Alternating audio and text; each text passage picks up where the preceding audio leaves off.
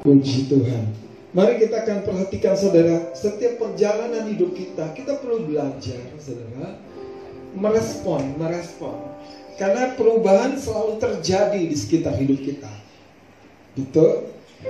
Dari Mesir di padang gurun, di padang gurun menuju tanah Kanaan. Nah, kalau cara hidup kita di padang gurun, kita jalani dengan cara hidup kita di tanah Mesir, ini yang terjadi. Anda akan menjadi kecewa, Anda akan sepertinya menyalahkan pemimpin, menyalahkan Tuhan.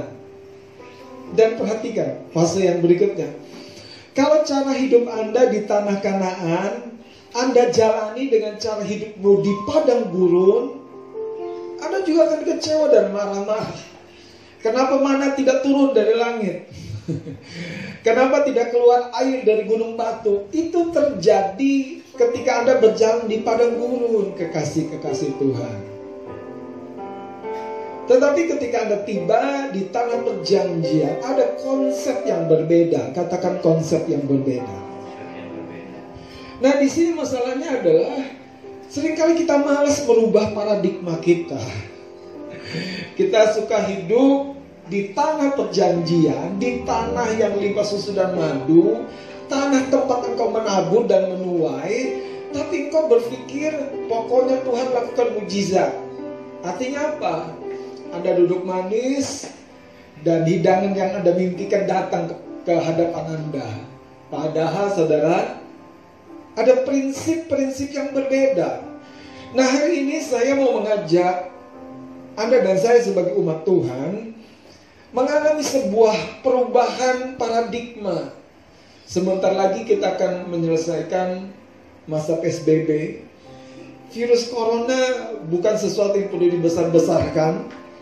Tetapi yang terpenting adalah apakah Anda dan saya mengalami sebuah perubahan-perubahan yang akan waktunya pemikiran kita akan melihat segala sesuatu dari kekekalan kepada dunia ini. Sehingga Anda mengelola segala sesuatu yang fana ini menuju kekekalan. Anda punya talenta, Anda punya uh, berkat keuangan, Anda punya semua yang luar biasa. Tidak sebatas kita upayakan menjadi sesuatu yang wow, hebat, luar biasa, tapi tidak menghasilkan buah pada kekekalan. Contohnya, ada seorang muda yang sangat kaya, dia datang menjumpai Tuhan Yesus. Dia tanya sama Yesus, Guru, apa yang harus aku lakukan kalau aku mau menerima kehidupan yang kekal? Wah, Tuhan berkata, ya, kamu harus lakukan apa yang kamu baca di dalam hukum Taurat. Dan anak muda ini secara cepat berkata, aku sudah lakukan itu. Tapi kalau kamu mau menjadi sempurna, tinggal satu lagi. Jual hartamu, berikan kepada orang miskin, dan ikut aku. Saudara ini paradigma yang yang berbeda yang anak muda, orang muda yang kaya ini tidak sangka bahwa itu yang akan dicetuskan dari mulut Yesus. Kalau hari ini Anda datang berdoa, dan Tuhan menyampaikan sesuatu yang berbeda, apakah Anda akan shock? anda akan bilang, aduh Tuhan, kalau tahu gini aku nggak nanya, aku nggak nanya. Kan itu begini saudara, masalahnya sebetulnya bukan di Tuhan. Masalahnya kita tidak mau mengalami pertumbuhan atau perubahan pola berpikir kita. Itu masalah sekali saudara. Kenapa? Sedikit banyak yang Yesus punya. Dia menjalani roda pelayanannya bukan dengan kekhawatiran, ketakutan, bahkan perhitungan-perhitungan anggaran yang terlalu ketat, tapi dia jalani dengan aliran roh yang Bapaknya taruhkan dalam hidupnya sebagai sebuah contoh. Nanti ujungnya adalah perubahan paradigma. Yesus bersama dengan Petrus ada di bait Allah hari sabat itu. Orang Farisi berusaha menjebak dia. Guru, bukankah kita harus bayar pajak bait Allah? Pada waktu itu Yesus tidak bersama dengan bendaharanya. Wah ini mati, mati kita mungkin Petrus berpikir apa yang kami harus lakukan untuk menjawab orang Farisi ini. Tapi Yesus dengan tenang berkata begini, Petrus, mancing dulu. Nanti pada mulut ikan yang pertama kamu dapat, di situ ada uang. Dan uang yang kau dapat itu cukup untuk membayar pajak bait Allah. Saudara, kenapa semuanya ini terjadi? Karena ada satu kepercayaan yang bergantung kepada kedaulatan Tuhan, kesanggupan Tuhan. Sehingga Yesus tidak berhenti, aduh ke mana nih? Aku ke bait Allah nggak ya? Tujuan-tujuan yang besar itu tidak boleh Anda cancel sendirian. Harus tanya sama Tuhan. Haleluya. Kalau Anda punya mandat untuk memberi makan 5000 jiwa, aduh Tuhan Anda bingung ke mana caranya Tuhan. Dengar, Tuhan di pihakmu. Ku yakin dan percaya. Haleluya.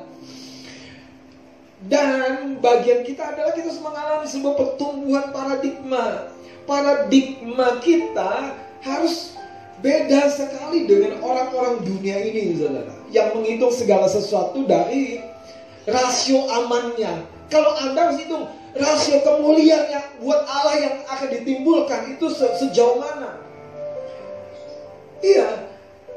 Makanya gini saudara, Anda tidak punya referensi apa pun, Anda tidak punya modal apa pun, tiba-tiba Anda punya mimpi, punya bisnis, tapi Anda bilang gini Tuhan, biar bisnis ini mendatangkan kemuliaan bagi namamu. Waduh saudara, saya mau beritahu saudara. Di surga itu saudara, tersedia segala hikmat, pengertian yang Tuhan Allahmu dan Allah itu akan berikan kepadamu. Dan ketika engkau bersekutu dengannya, Alkitab yang berkata, orang muda, orang Ibrani, yaitu Daniel, Sadrak, Mesak, dan Abednego di negeri asing di Babel sepuluh kali lebih cerdas dan mereka diangkat tinggi berkuasa di negeri itu. Haleluya.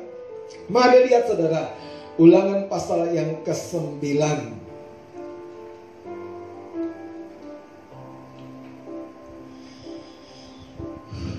Ulangan pasal yang ke-9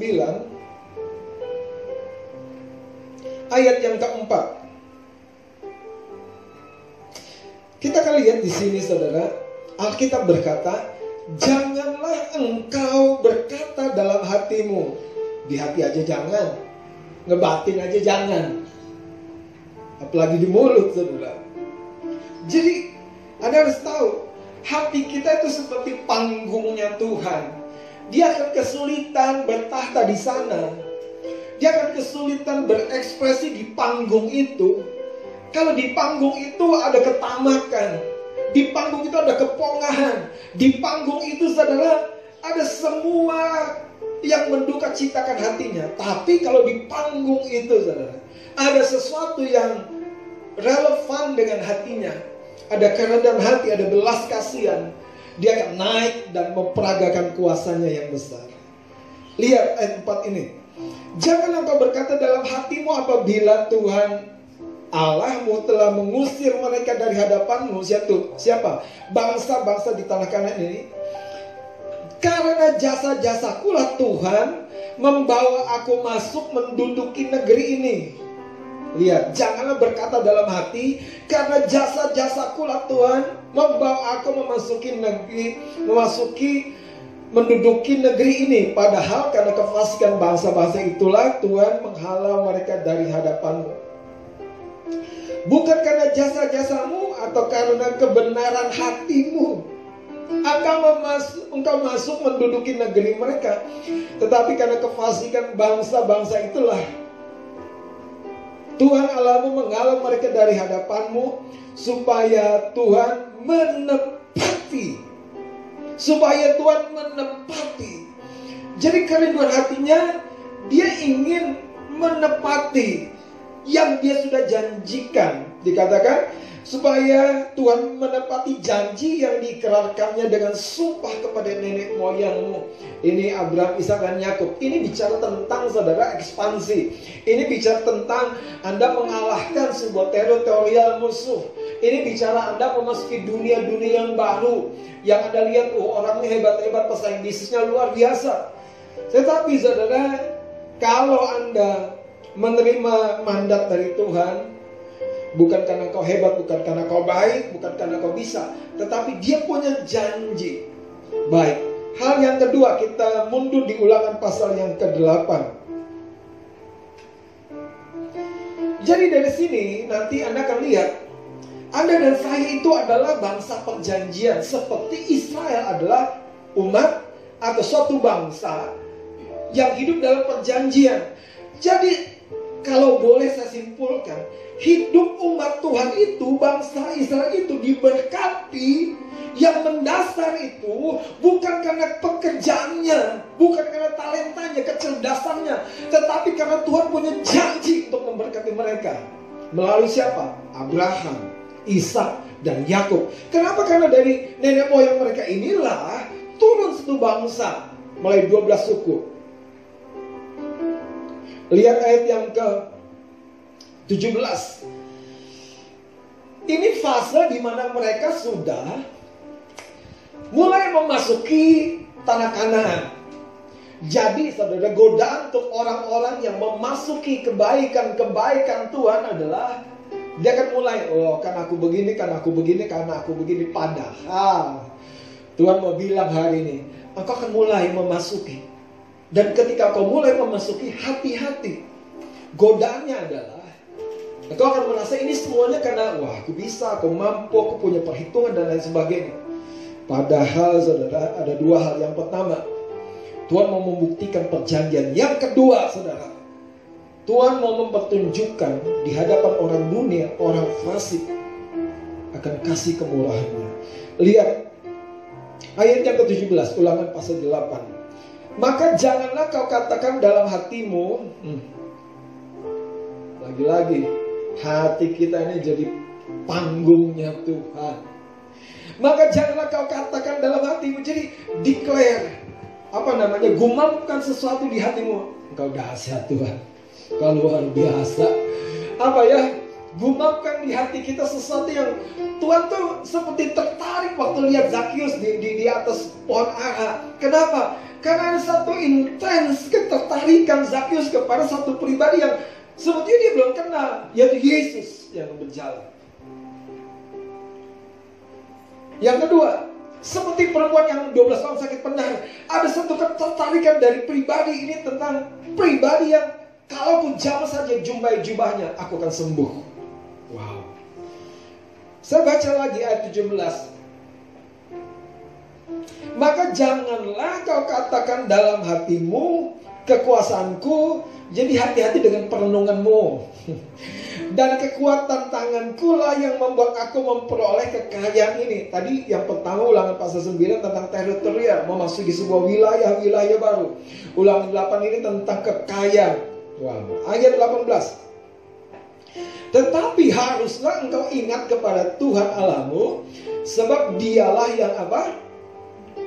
Yang memberikan kepadamu kekuatan jadi sumber kekuatan untuk memperoleh kekayaan, lihat ayat 18. Dialah yang memberikan kepada kekuatan untuk memperoleh kekayaan. Kekuatan, kesanggupan, artinya apa? Sebuah ide, sebuah jalan, sebuah pertolongan, dan segala sesuatu yang membuat Anda mengalami penggenapan Tuhan, Anda dijadikan kepala dan bukan ekor. Kesanggupan itu datang dari Tuhan. Terus dikatakan dengan maksud meneguhkan perjanjian yang diikrarkan dengan sumpah kepada nenek moyangmu seperti sekarang ini. Menarik sekali saudara. Anda dan saya hidup dalam sebuah area kawasan yang namanya perjanjian. Artinya, ketika kita melakukan bagian kita, Tuhan tidak mungkin tidak melakukan bagiannya. Ketika Anda melangkah satu dua langkah menurut perjanjiannya, Tuhan akan selalu ada siap di tempatnya untuk membackup kita. Hari ini saya mendorong, mari rubah paradigmamu. Engkau sehat, engkau kuat, engkau bahagia, bukan karena segala sesuatu yang secara manusiawi. Kalau Anda kaya dan diberkati berdasarkan karir Anda, apa bedanya dengan orang-orang dunia yang tidak kenal Tuhan Yesus? Yang tidak kenal Allah Jehovah Jireh. Yang membuat Abraham menerima apa yang tidak mungkin di gunung itu yaitu apa? Korban. Yaitu apa? Ada kambing uh, kambing jantan yang tanduknya tersangkut di belukar. Abraham tinggal ambil untuk menggantikan Ishak. Tinggal ambil, beneran tinggal ambil. Anda tahu gimana caranya ngejar kambing gunung? Namanya kambing gunung itu adalah tembok aja bisa dia daki. Bukit batu bisa dia daki. Kambing gunung memang ya kambing pendaki gunung. Tapi hari itu waktu Abraham melangkah ke gunung membawa kayu api, membawa Ishak anaknya untuk mempersembahkan korban. Abraham membuat satu peristiwa yang berdampak hari ini kepada kita, kepada seluruh umat Israel, kepada orang percaya. Yaitu Tuhan membuat sebuah perjanjian berkat saya berdoa hari ini, apa pun yang virus corona, apa ya, apa pun yang COVID-19 ini lakukan kepada hidupmu, kepada pekerjaanmu, kepada hubunganmu, akan Tuhan balikan, haleluya. Ketika kau mulai menangkap ada perjanjian berkat yang Tuhan sediakan buat hidupmu dan hidupku, alami hari ini. Yang pertama, harus jaga platform, harus jaga panggung hatimu, haleluya.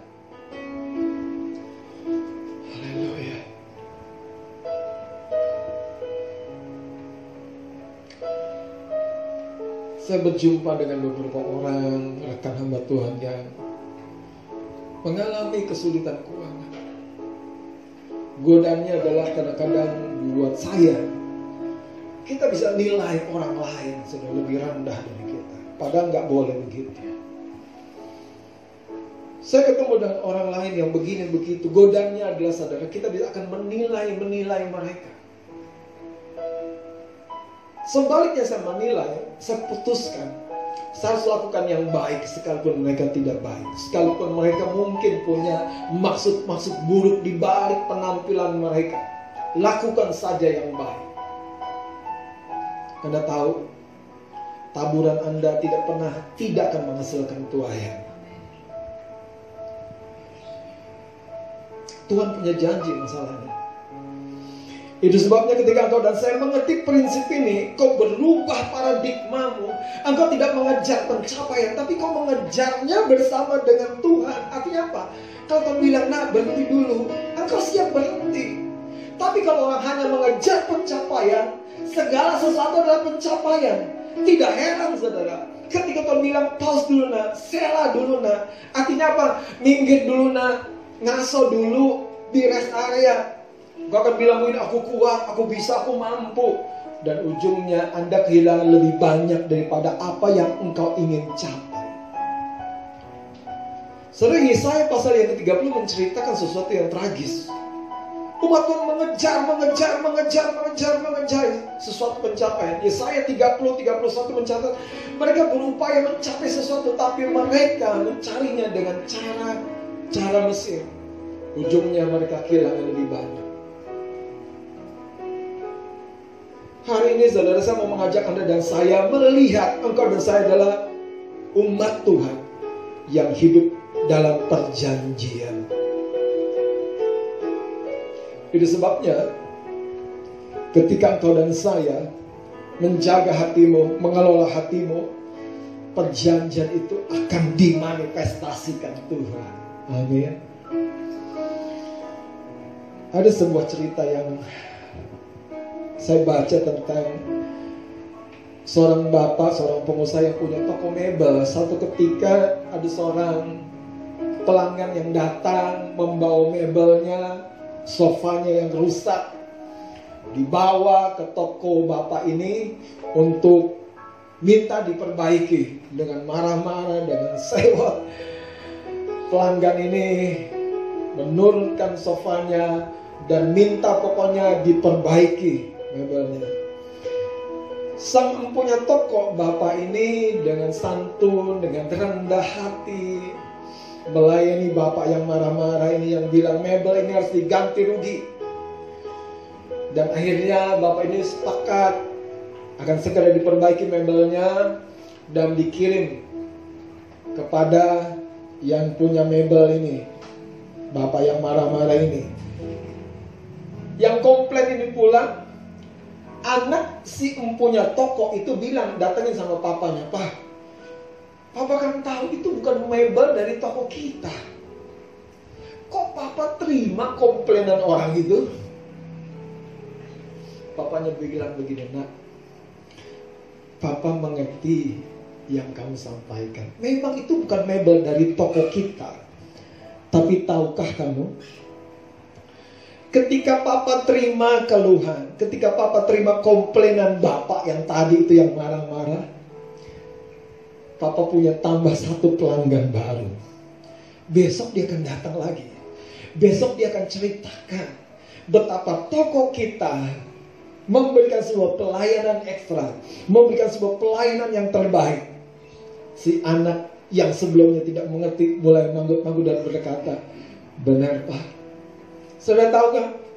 Dunia ini kadangkala saudara, jalan-jalannya itu berbeda. Kalau ada orang dunia bilang, enak aja, tuntut saudara.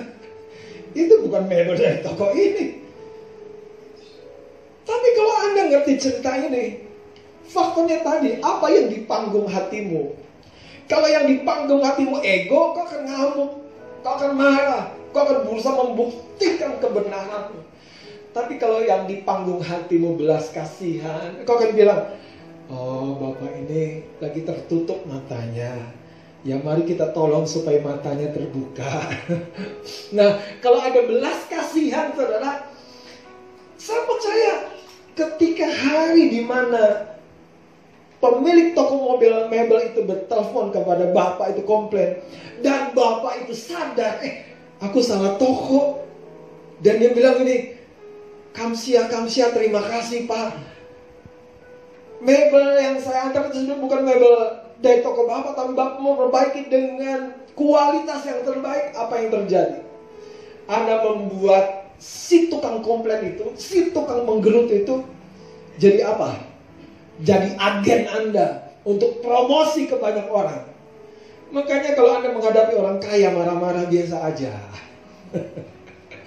kalau Anda menghadapi orang hebat marah-marah biasa aja, tenang aja. Senyum baik. Amin. Anda bisa ubah mereka itu saudara jadi agen-agen Anda. Amin. Iya. Hari ini ada perjanjian berkat.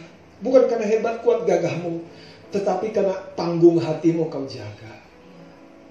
Ada panggung hati yang kau perlu jaga. Kenapa? Karena di situ ada perjanjian berkat. Amin. Amin. Ada perjanjian berkat.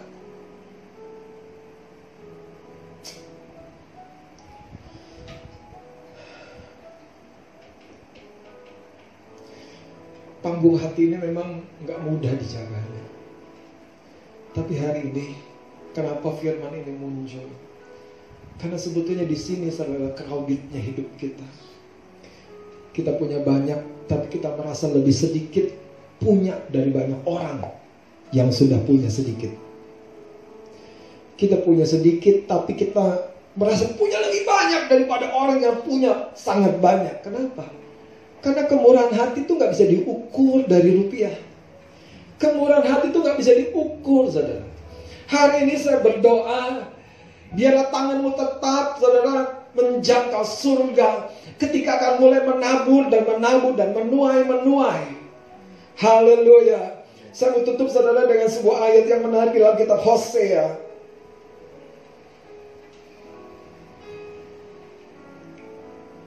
Hosea pasal yang ke-10.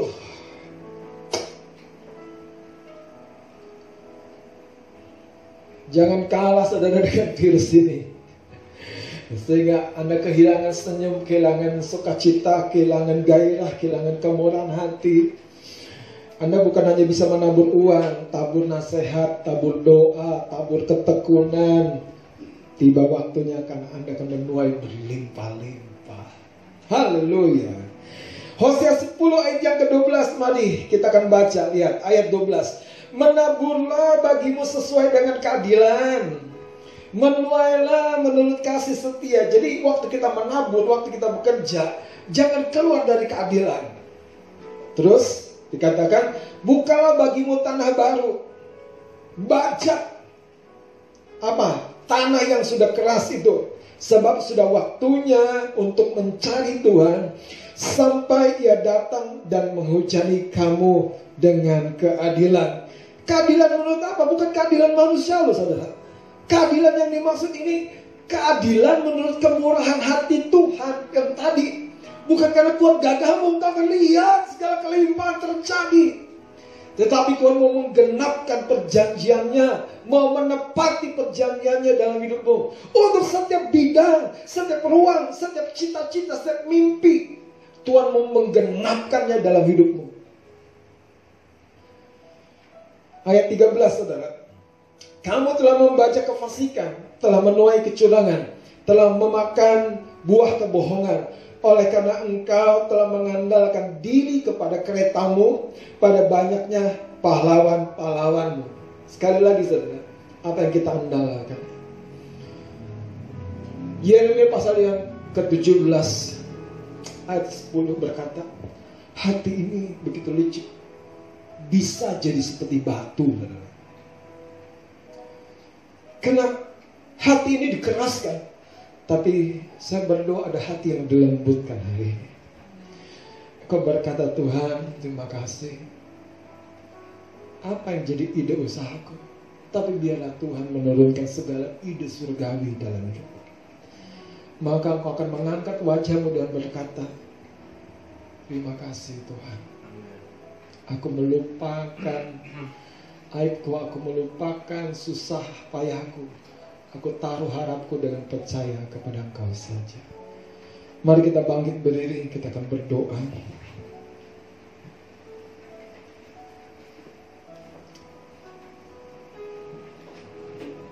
Ada kemurahan Tuhan yang tidak bisa kau takar. Kau gali sedalam-dalamnya. Kau nikmati sebanyak-banyaknya. Selalu ada lagi, ada lagi, dan ada lagi.